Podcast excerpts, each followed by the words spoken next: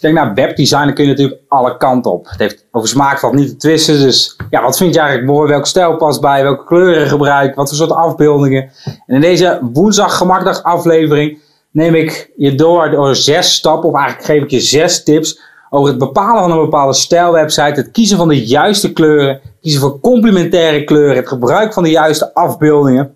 Om dus eigenlijk één grote sterke stijl te bepalen. Die ook past bij jou huisstijl die past bij je merk en uiteindelijk ook past bij de uitstraling die jij voor ogen hebt. En het liefste nog een uitstraling die dus uiteindelijk ook van bezoekers klanten gaat maken. Kijk je naar webdesign dan ja, doorlopen we bij internetmarketing gemak altijd meerdere fases. We beginnen nooit met de kleuren.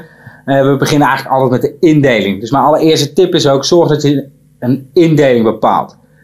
Teken eens op, met pen en papier of een potlood en papier Gebruik eventueel verschillende kleuren als je wel met kleuren wil werken. En denk nu eens na, wat moet nu waar komen te staan? Waar komt op die ene landingspagina de tekst? Waar ga je de afbeelding plaatsen? Waar komt de contactknop? Waar komt je telefoonnummer? Wil je wel social media knoppen gebruiken op die pagina? Waar plaats je ze dan?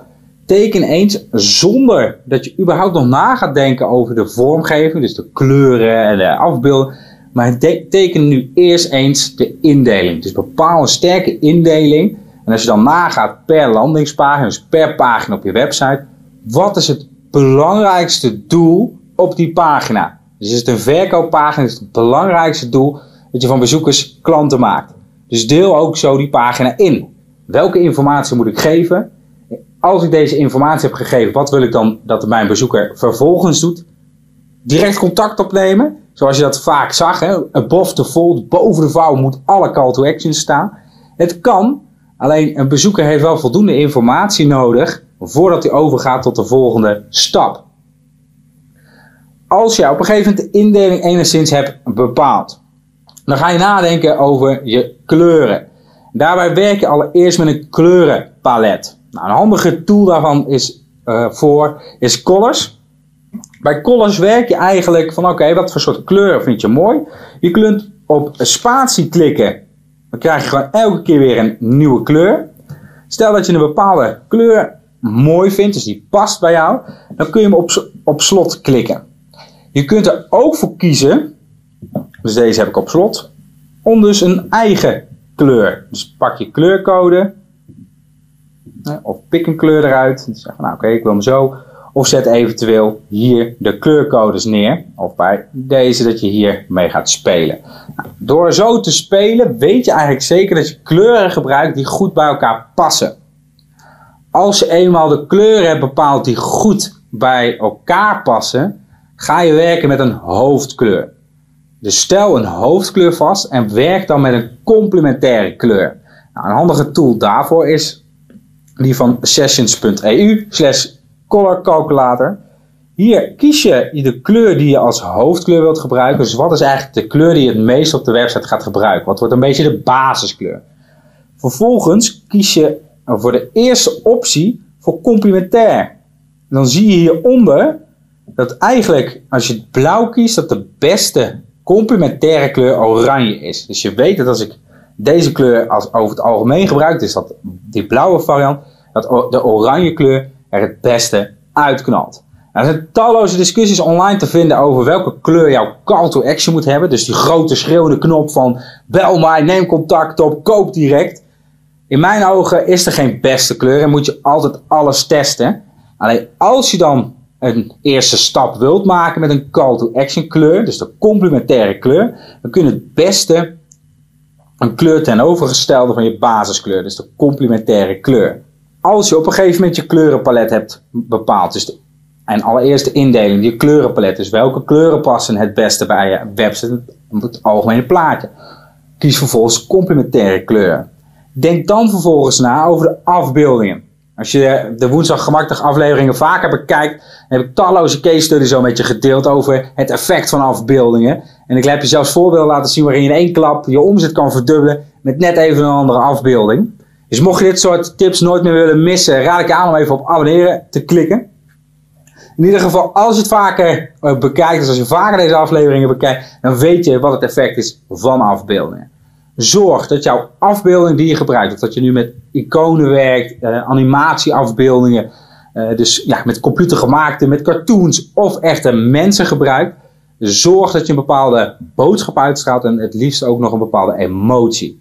Dus pak niet een keiharde stokfoto, maar denk eens na van, wat zeg ik hier? Ik heb het hier over vertrouwen.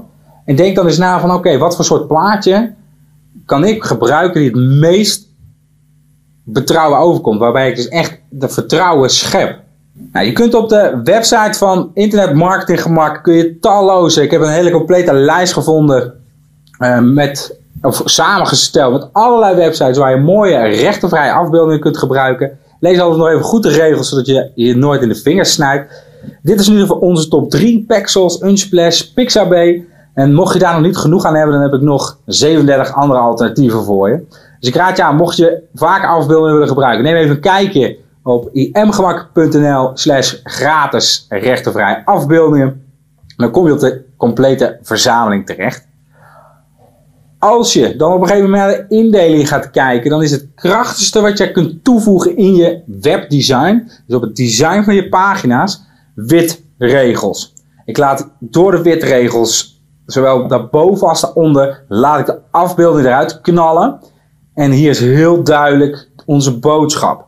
Dus zorg dat je met witregels de belangrijkste boodschap extra ruimte geeft en daardoor dus extra laat opvallen. Zorg ook dat je niet te breed gaat. Ik heb hier een voorbeeld waarbij je een maximale breedte van 650 pixels. Na talloze conversieonderzoeken die wij hebben gedaan en ook die eh, collega's hebben gedaan, blijkt dat dat eigenlijk een beetje de gouden regel is. Zoals al vaker gezegd, er is geen echte gouden regel, dus blijven testen. Maar we testen in ieder geval in het begin met een maximale breedte van 650 pixels. Je ziet het hier ook, dit is een stuk makkelijker te lezen dan wanneer je hem helemaal breed plaatst. Dus ik zou deze beter eigenlijk tot hier kunnen afknippen. En het is een stuk makkelijker lezen als die zinnen niet te lang zijn. Heb je dat ook allemaal bepaald, zorg dan dat je voor één stijl kiest. Als ik in de stad loop en ik zie van deze rood met iets met wit, en dat blijkt een Albert Heijn te zijn, ben ik mijn brandbelofte kwijt. Albert Heijn was toch altijd blauw met wit? Zorg dat als je op een gegeven moment jouw kleuren bepaalt, dat je dat ook verwerkt in een soort van stijlguide. Dat je het liefst altijd werkt met dezelfde lettertype. Dus wel, wat, welk lettertype gebruik je voor bijvoorbeeld deze tekst? Welk lettertype gebruik je voor subkoppen? En welk lettertype gebruik je voor hoofdkoppen? Zorg dat je dat verwerkt in een stijlguide en dat je daar ook aan gaat houden. Dus werk altijd met dezelfde kleuren, met dezelfde soort afbeeldingen, eh, met dezelfde soort communicatiestijl, met dezelfde soort lettertypes en ook met dezelfde complementaire kleuren. Op een gegeven moment ga ik jouw kleur herkennen en hoef ik nog niet eens het bedrijfsnaam te zien, maar krijg ik al een stukje herkenbaarheid. Dus nog één keer kleine korte samenvatting. Zorg dat je de juiste kleuren bepaalt met een kleurenpalet. Gebruik complementaire kleuren voor je conversieacties, dus voor die schreeuwende buttons. Gebruik de juiste foto's en afbeeldingen. Gebruik witregels, maar bepaal een maximale breedte, het liefst 650 pixels. En zorg dat je één soort stijl gebruikt en dat ook vastlegt en vervolgens daarmee aan de slag gaat. Nou, mocht je vragen of opmerkingen hebben of geen enkele aflevering meer willen missen, zorg dat je abonneert. En heb je vragen, reageer dan even onderaan deze video. Mocht je het leuk vinden om een keer te sparren over jouw website, geef ons gewoon een belletje. En dan zie ik je bij de volgende aflevering.